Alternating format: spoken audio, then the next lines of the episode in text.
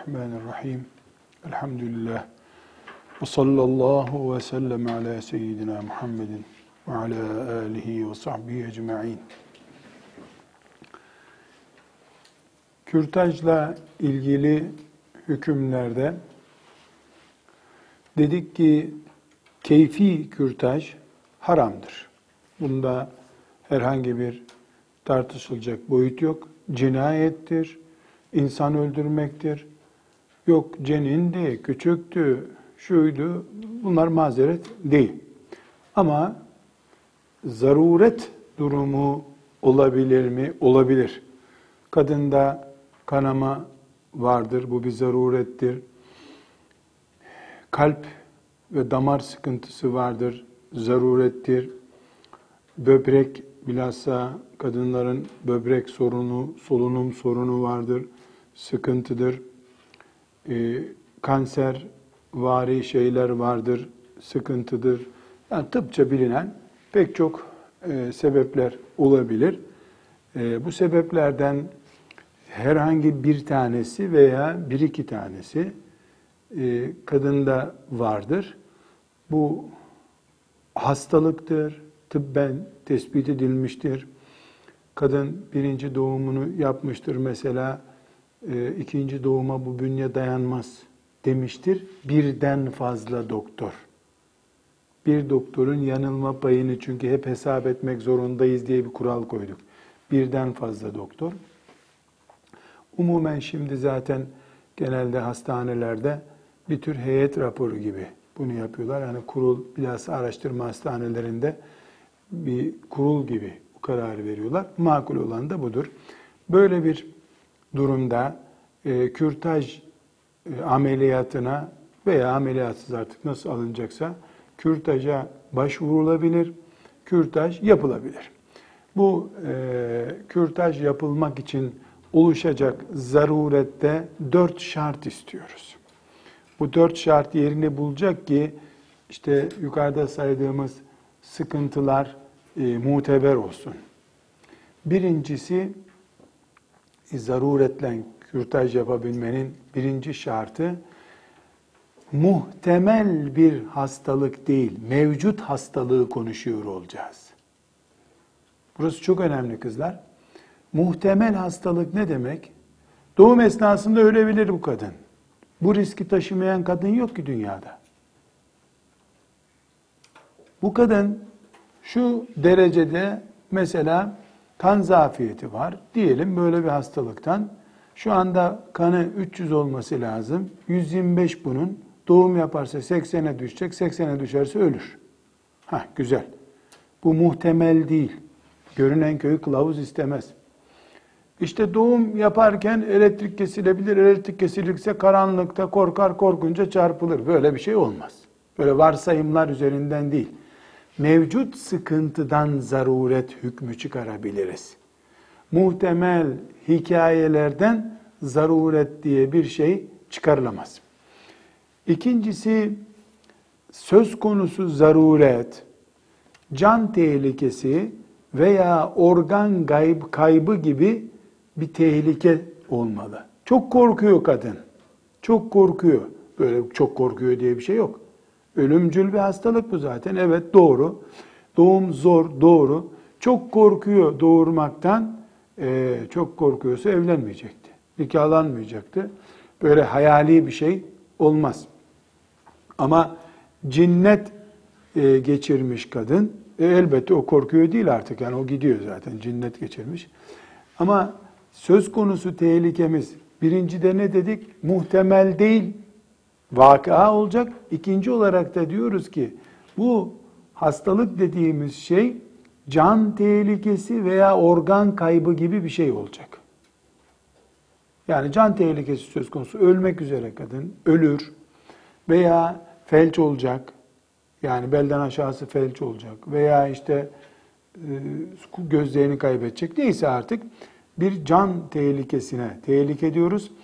E, ve organ kaybı gibi ciddi mesela böbrekleri e, berbat olacak gibi bir şey de denebilir. Maazallah bütün çeşitlerinde. Üçüncü olarak da e, kürtaj için birinci ve ikinci şart oluştuğunda e, kürtaja başvurulacağı zaman sınırlar içinde bir zaruret kullanılır. Mesela bu hanımın e, bu doğumu kaldırması çok zor. Ama doğumdan sonra bir sene tedavi görürse o tedaviden sonra tekrar doğurma ihtimali var. Tamam. Kürtajı aldık. Kürtajda çocuğu aldık içeriden, cenini aldık. Helal mi? Helal buraya kadar. Fakat bu arada doktor bir daha böyle bir şey başına gelmesin diye kordon bağlamasına geçti. Ne yaptık biz? 100 gram izin aldık, 200 gram kullanıyoruz. Bu da haram. Zaruret dediğimiz şeyin sınırları ne kadarsa o kadar zaruret kullanacağız. Bir. Bu da üçüncü şart. Eğer suistimal edersek yani hazır e, bu kürtajın izni alındı bununla beraber vur çal oynasın gibi cahilce bir şeye teşebbüs edersek haram işlemiş oluruz. Ve dördüncü şart olarak da kürtaj yapmaya izin oluşturabilecek şeyin hamilelikle ilgili sorun olması lazım. Mesela e, beyinle ilgili bir operasyon var. E, beyinle ilgili bir ameliyat olacak. O arada hastaneye gitmişken şeyi de alalım. Çocuğu da alalım diyor. Yani beyin hastalığı çocukla ilgili mi? Değil. Dolayısıyla kürtajın ruhsatı hamilelik yani kadın hastalıkları ile ilgili bölümden kaynaklanacak. Başka bir hastalığı, başka bir sebebi bunun ruhsatı yapamayız. Bu dört şart gerçekleştiğinde kürtaj haram olmaktan çıkar. Bunların dikkat ederseniz dördü de can e, tehlikesi taşınan şeylerdir. Şimdi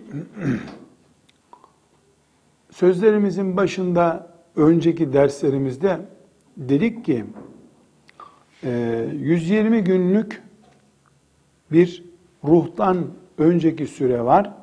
Bir de 120 günden sonraki süre var. Hamileliği ruh üflemeden önceki dönem, ruh üflemeden sonraki dönem olarak e, ayarladık. Zaten toplam olarak 124 ay yapıyor. E, 248 ay yapar. Hemen hemen e, 270-280 gün e, bütün hamilelik süresi. Bu sürenin kürtaj açısından hala ele alıyoruz meseleyi. E, bütününde kürtaj yasak. Ama doğum e, ruh üflemeden sonraki dönemde biraz önce konuştuğumuz gibi kapılar tamamen kapalı.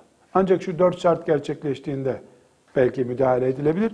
Bundan önceki dönemde de kürtaja tevessül edilebilecekse eğer belli bir sebeple bu nasıl olabilir? Yani mesela 40 günlük hamile kadının karnındaki ceninle 80 günlük aynı değil, 120 günlük, 130 günlük aynı değil dedik.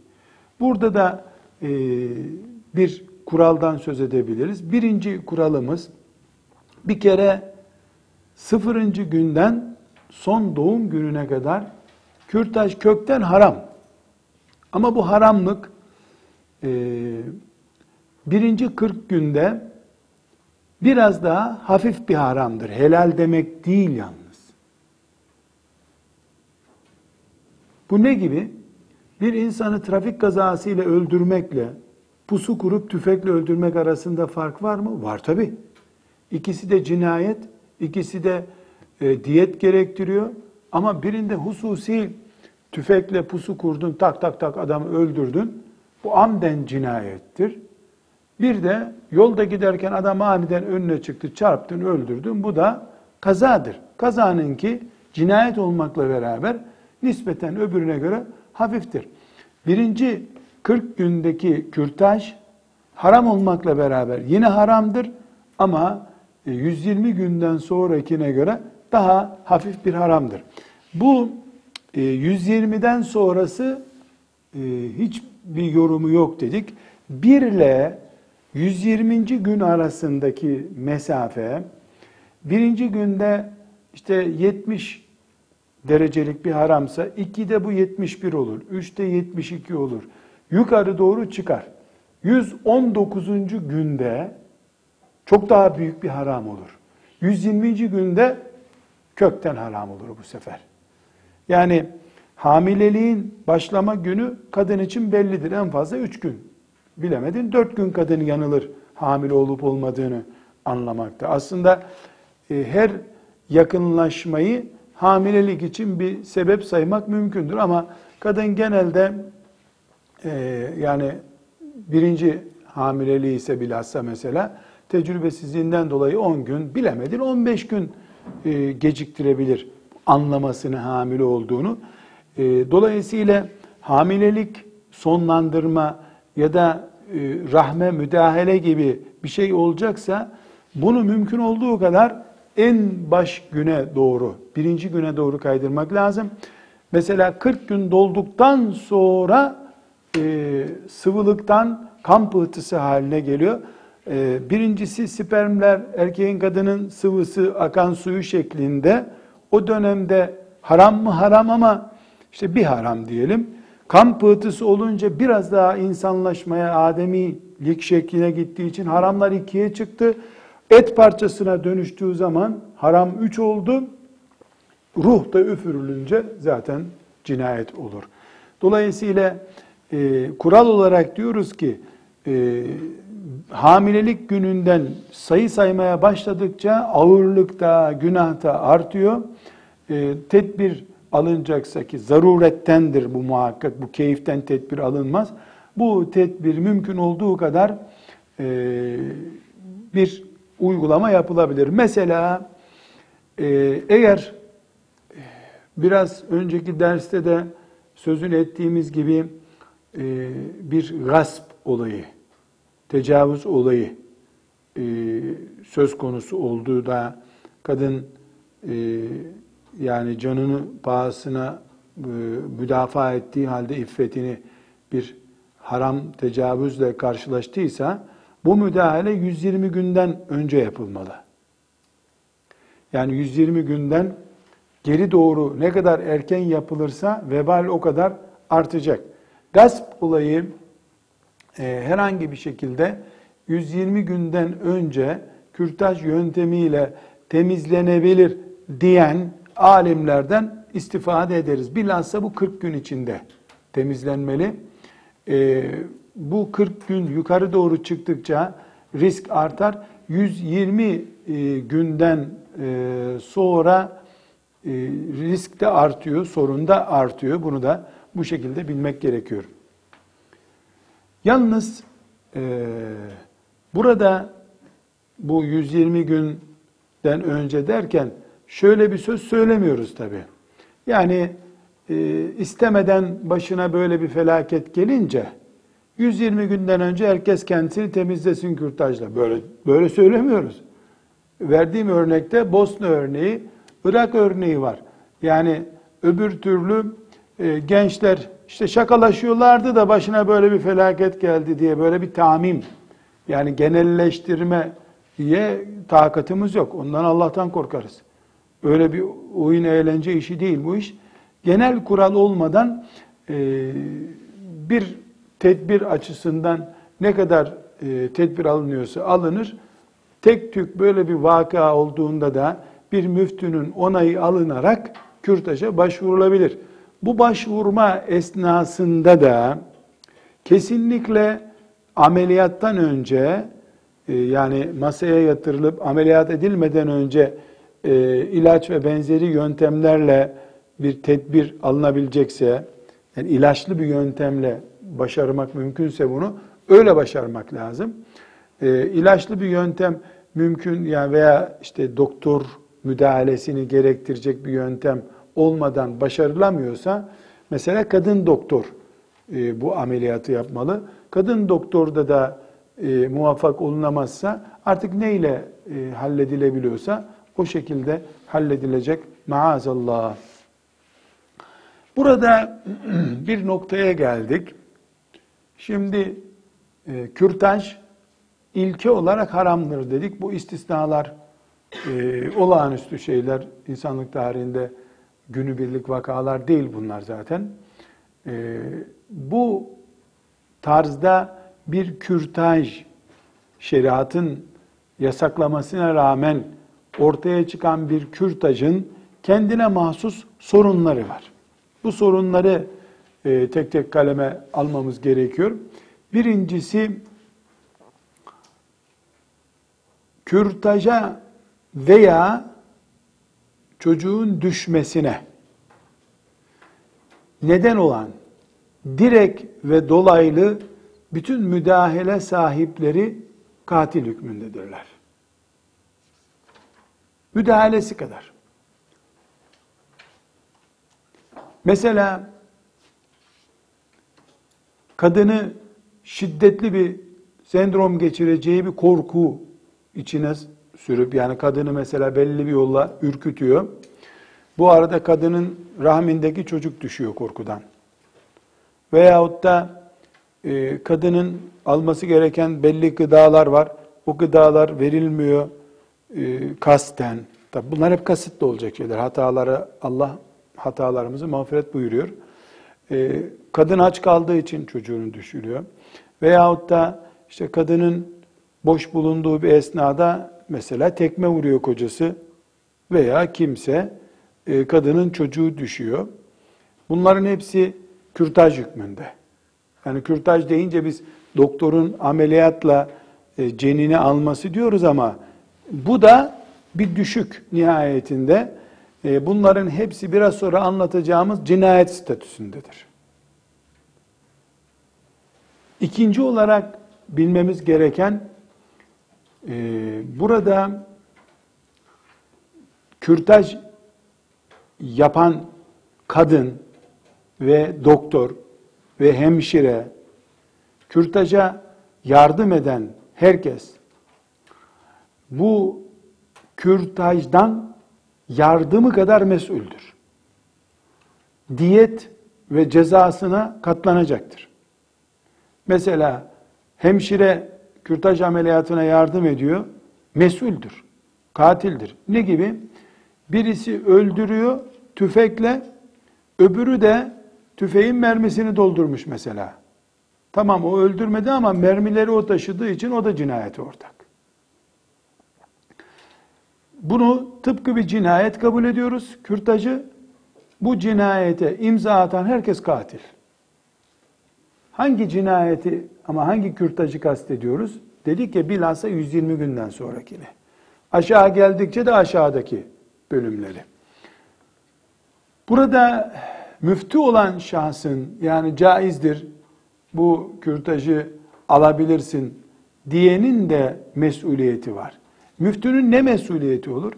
Şimdi mesela e, müftüye gelip fetva soruluyor. Deniyor ki işte hoca efendi bizim e, çocuğumuz var. Bu çocuğumuz e, işte istemiyoruz biz. Niye istemiyorsunuz? Gezmeye gideceğiz, umreye gideceğiz. Neyse artık. E tamam diyor. E, cinayete sebep oluyor. Evet, kaçıncı gününde? 15. gününde. Tamam 15. gününde müdahale edilebilir belki. Kaçıncı gününde? 40. gününde. Bir dakika dur. Dur dur dur dur. 40 gün tehlikeli bir rakam. Demeli müftü. Kaçıncı günde? 80. günde. Oo bir dakika daha bunu araştıralım. Doktor raporu getir. Mesela 40 gün olmadan doktor raporu sormayabilir müftü. 40 gün öncesinde yani sosyal nedenler, ahlaki nedenler, bünye zayıflığı, anne evhamlandı, bu tip şeyleri 40. güne kadar e, kürtaj nedeni sayabiliriz. 40-80 arası inceleriz. Biraz daha. 80'den sonra kırmızı çizgili bölgedeyiz artık. 80'den sonra iş riske bindi. Bu sefer araştıracağız. Neyi araştıracağız? Doktor raporunu, sonuçlarını vesaire. 120 günden sonra zaten e, böyle bir soru yok. Kim ne kadar müdahale etti, destek olduysa o kadar mesul Allah katında vebaline ortak olacak. Ee, burada Bir anlaşılması için özellikle tekrar e, vurgulayalım. Şu saydığımız operasyonu yaptığı için ücret alan doktor da vebale girer. Ve kazandığı haramdır. Çünkü haram işten para kazanıyor. Cinayet boyutuna geldiğinde. Tekrar vurguluyorum. Yani 120 e, günden sonrası için mesela bunu uyguladığımızda %100 haram kazanmış olur. 120 günden önce yaptığı işe bağlı. İşe göre değerlendirme yaparız. Ve kürtaj gerçekleşti. Kadın gitti hastanede kürtajını oldu. Ne olacak? Evet şimdi buraya geldik. Kadın kürtaj yaptırdığı zaman çocuk ölü olarak doğduysa başka bir şey, ölü olarak çıktıysa, çocuk diri olarak çıktıysa başka bir şey. Eğer çocuk diri çıktıysa, yedinci ayında mesela çocuğun diri çıkması mümkün.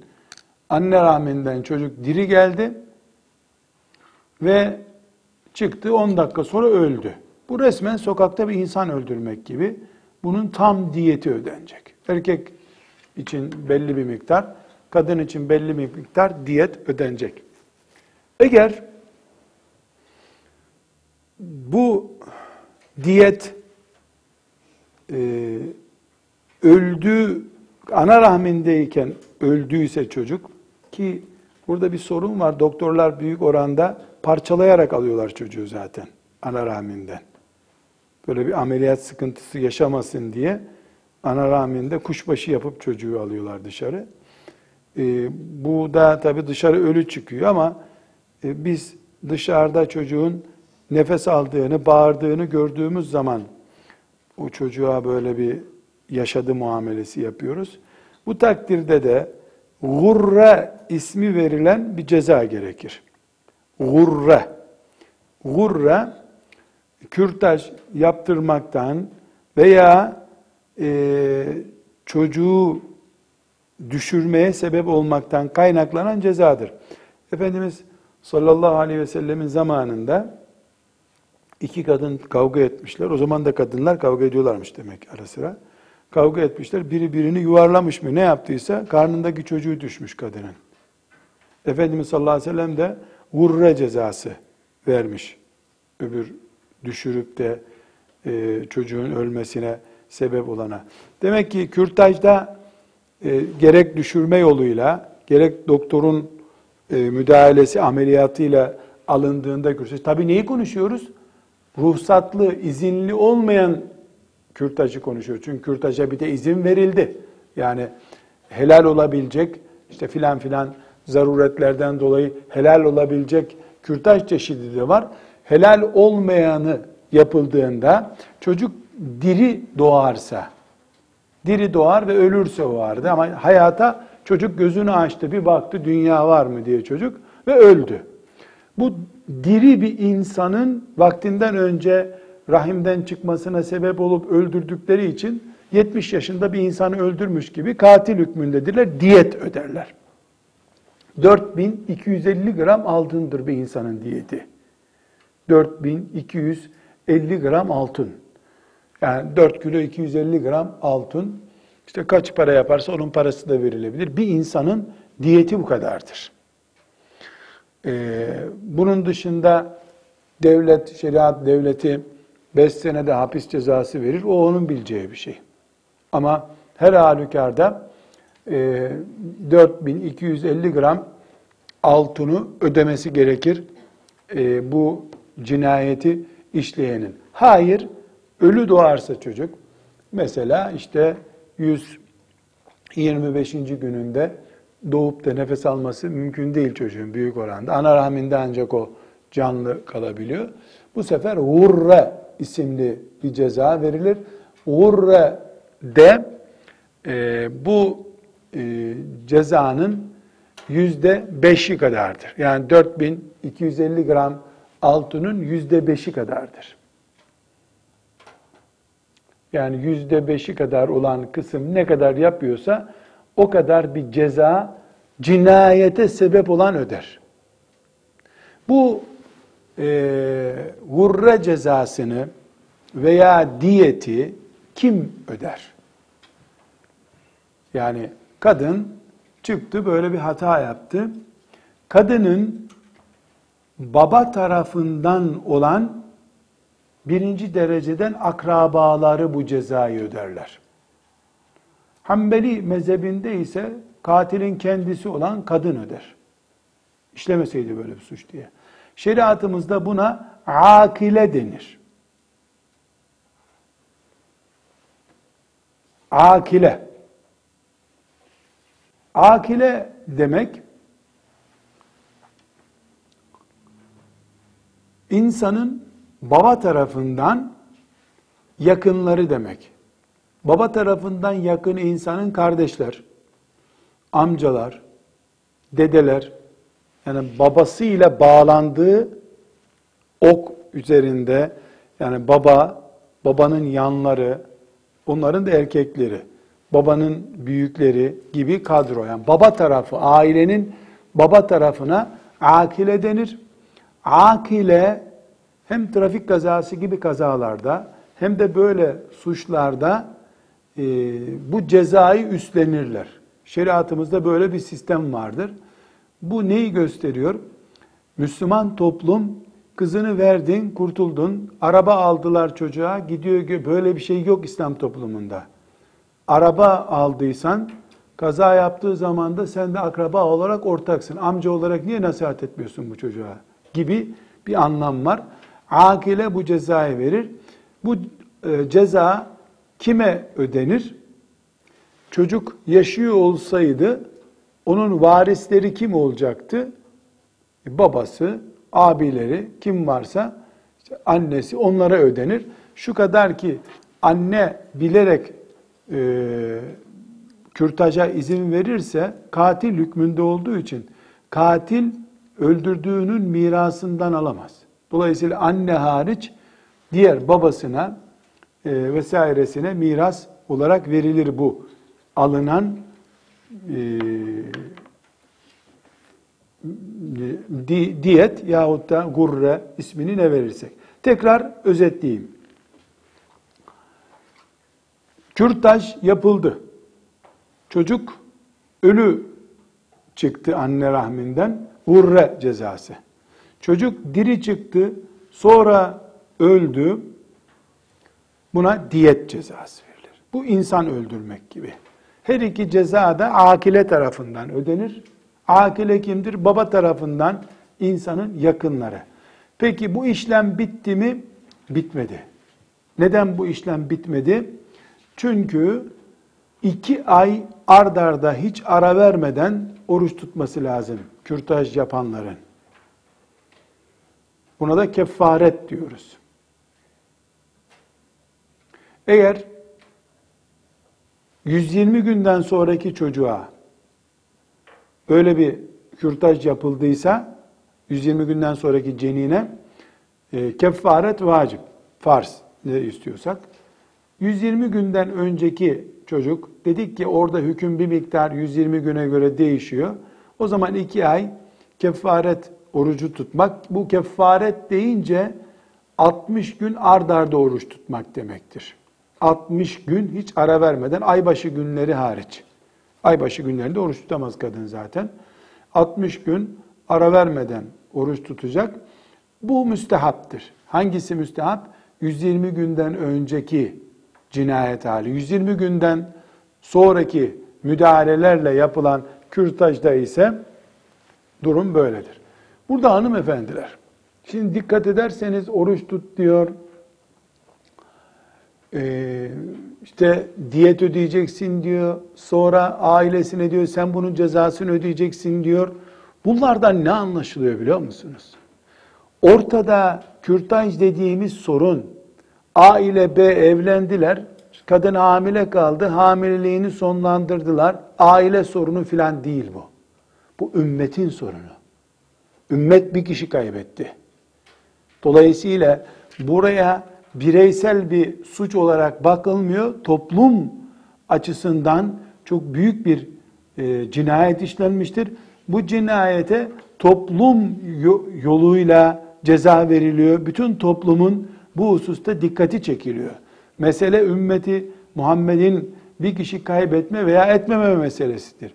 Çok açık bir şekilde de bundan da anlaşılıyor ki e, kürtaj sokaktaki bir insanı öldürmek gibi Allah'ın haram ettiği ölümlerden e, katlün nefsilleti harramallahu illa bil hak Allah'ın haram ettiği cinayetlerden bir cinayet olarak görülüyor. Demek ki bu şeriatımızın nazarında.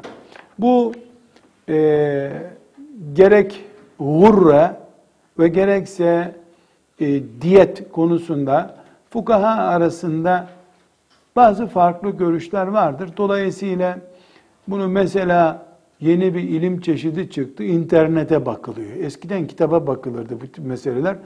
İnternete gelen sorulardan anlıyorum. Ee, hanımefendiler diyorlar ki internete baktık hurra gerekmiyormuş diyor. Öbürü diyor baktım gerekiyormuş diyor. Ne bakıyorsan onu buluyorsun. İnternet çöplük gibi bir şey zaten.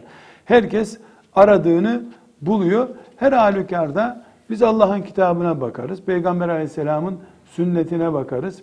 Bilhassa e, doktorlar açısından ve bunu dedikoduyla e, kadınlar arasında yayan dedikoducular açısından yani böyle bir şeyin olurluğunu e, büyük bir vebal söz konusudur. Bu vebale herkes e, katıl, katıldığı kadar ya da e, kıyamet günü ateşten korktuğu kadar ya da korkmadığı kadar katılacaktır. Buradaki e, sözünü ettiğimiz oruç normal bildiğimiz oruç gibidir. Kefaret orucudur. En azından böyle bir hataya düşenler yani kürtaj hatasına maazallah düşenler büyük bir istiğfar etsinler önce. Önce istiğfar etsinler. Yani bu istiğfar günlerce gözyaşı akıtmak mıdır, tövbe midir, nasıl anlıyorlarsa artık. İkinci olarak iki ay oruçlarını muhakkak tutsunlar. Üçüncü olarak da bu sözünü ettiğimiz miktar kadar bir sadakayı muhakkak çıkarıp versinler mali durumları iyiyse. Yok, değilse bu kadar bunu vermeye muktedir değilseler, e, bunun için Rablerinden biraz daha istiğfar edip, biraz daha merhametini yalvarsınlar. Ve bu arada e, her günahın tövbesi de kendi cinsinden olması ilkesinden yola çıkarak kürtaj yaptırmış hanımefendiler hiç olmasın bir çocuk yerine üç, beş çocuk daha doğursunlar ki ola ki Allah gafurur rahimdir, rahmetiyle muamele buyurur. Hanımefendiler fıkıh olarak meselemizin özeti budur. Buna daha fazla ilave edecek bir şey yok. Ancak burada fıkhın dışında çok sosyolojik bir boyutunu zikretmek istiyorum. Ee, kadınların birbirlerini doğurmama yönündeki teşvikleri, yani e, doğum zor, doğum işte filan hap doğumu engelliyor, filanca doğurdu çocuğuna bakamıyor, filancanın çocuğu şöyle etti ne kadar kötü bir durum. Bunlar şeytanın propagandaları.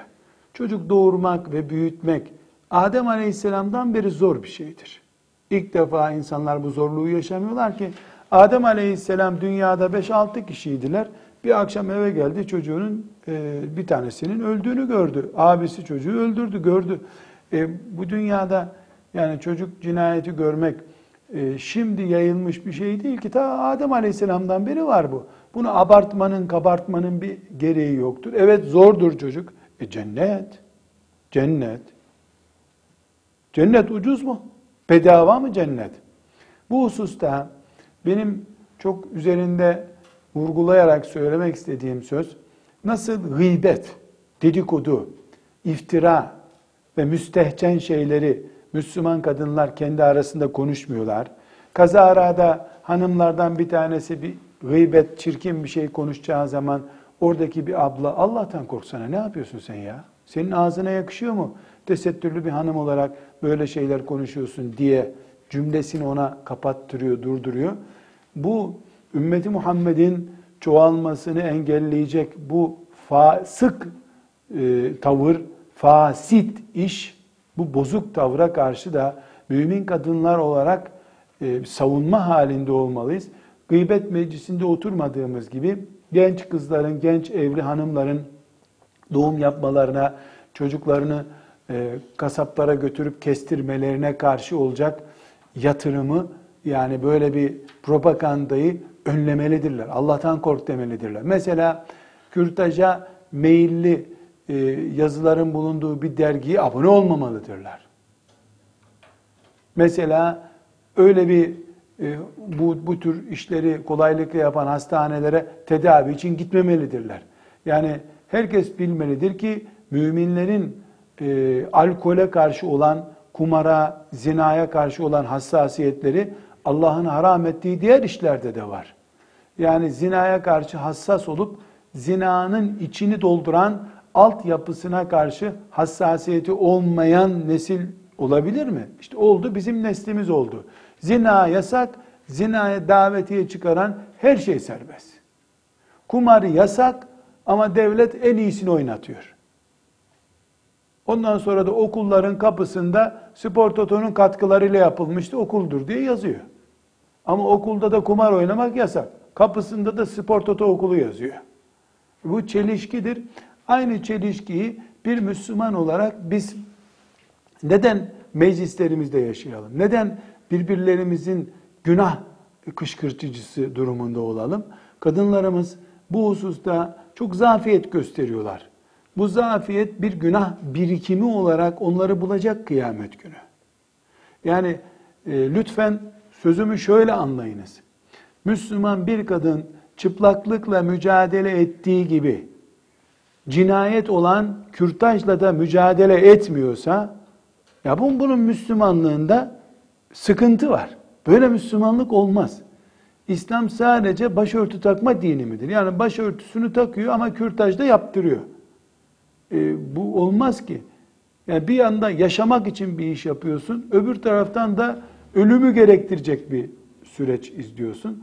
Allah'tan korkmak, haya etmek gerekir. Ve özellikle hanım kızlar bu kürtaj e, iki nedenle e, yaygınlaştı. Milyonlarca doğacak, nefes alacak çocuk öldürüldü. E, birincisi tıp çok güçlü bir atılım yapıp genişledi, yayıldı. Yani dakikalık bir operasyonla küçük bir büroda hiç ameliyathaneye gerek kalmadan kürtaj yapılabiliyor. Bu tabi tuzak, şeytandan bir tuzak. İkinci olarak da bütün dünyada devlet politikası haline geldi bu. E, bu hususta e, en son mesela e, kadın ve nüfus konusunda yapılan yatırımlara, propagandalara bakıyoruz.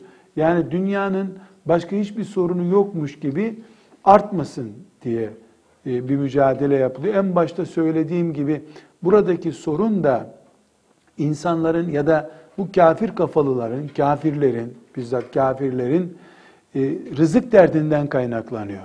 Tıpkı Ebu Cehil'in bu kız büyürse çalışmadan ekmek yiyecek, çalışmadan yiyen başıma bela olacak benim diye kendi doğurduğunu canavar gören anlayıştan kaynaklanıyor. Biz Allah'a sığınıyoruz. Rızkı Allah veriyor.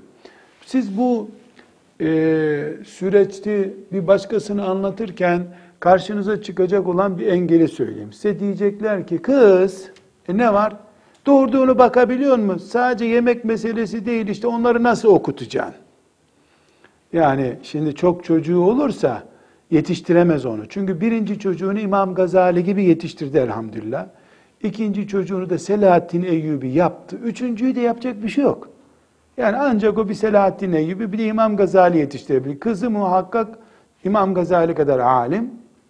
Ee, oğlu da Selahaddin Eyyubi. Üçüncü çocuğunu yapacak bir rol de yok. İstanbul'da fethedildi. Fatih'e de ihtiyaç yok. Onun için e madem yetiştiremeyeceğim bari doğurma. Yazıklar olsun. Yazıklar olsun. Ne zamandan beri anne baba çocuğunu yediriyor içiriyor. Hani Allah'tır rezzak olan? Esma-ül Hüsna'daki Rezzak kim? Yazıklar olsun. Dinini tahrif eden Yahudiler de böyle tahrif ettiler zaten. Bir. İki, hani hani biz Allah'ın verdiği, kaderinde yazdığı her şeyi gerçekleştiriyorduk. Anne baba olarak biz sadece sebeptik. Vazifemizi yaparsak biz sevabımız kazanırdık. Yani çocuk yetiştireceğiz derken çocuklarımızı okula gönderip iyi bir okul, ne demekse iyi okul, okulda okutunca e, biz mi yapıyoruz her işi? E plan Allah'ın planı. Böyle bir şey olmaz. Ama şuna da biraz sanki şükrediyorum gibi geçiyor içimden. Hani sanki böyle içimden bir ses iyi oluyor diyor. Böyle zil zurnaların doğuracağı çocuklardan da ümmet ne hayır görecek. İnşallah salihat, kanitat, abidat, zahidat olan sizler bir nesil geleceksiniz. Sizin doğurduklarınız bu açıkları kapatacak Allah'ın izniyle. Böyle umut ediyoruz. Bu hususta ümmetimizin e, dünya politikası çoğalma üzerine kuruludur. Dünyayı tek yer zannedenler, buradan ahirete gitme hazırlığı olmayanlar elbette kalabalık olmayalım, çok yer düşsün bize, ekmeğimiz çok olsun diye düşünüyorlar. Biz de diyoruz ki bize Peygamberimiz sallallahu aleyhi ve sellem birkaç lokma yeter size, birkaç lokma yeter dedi. Birkaç lokma da buluruz zaten. Birkaç lokma buluruz. Onu yeriz. Gelen bizim rızkımızı yemez. Allah'ın yazdığı rızkı yer. Hiç kimse merak etmesin. Evet, bu hususta e, muasır e, sıkıntılarımızdan bir tanesini yani bu kürtaj meselesini enine boyuna konuşmuş olduk. Netice özet olarak şudur ki kürtaj haramdır. Bitti. Bunun lamı cimi yok. Kürtaj haramdır. E, insan öldürmek de haramdır ama yeri geliyor filanca türlü e, bir karar verilip bir insan idam edilebiliyor. Tıpkı nasıl filanca mahkeme kararıyla bir insan idam edilebilir bütün yasaklamalara rağmen aynı şekilde kürtajın da milyonda bir olabilir şekli vardır. O olabilir şeklini de konuştuk. Buradaki asıl sorunun kafirlerin dünyayı ebedi kalacakları yer zannedip bu topraklarda bizden başkası yemek yemesin demelerinden kaynaklanan bir sorundur. Biz onlardan değiliz. Velhamdülillahi Rabbil Alemin.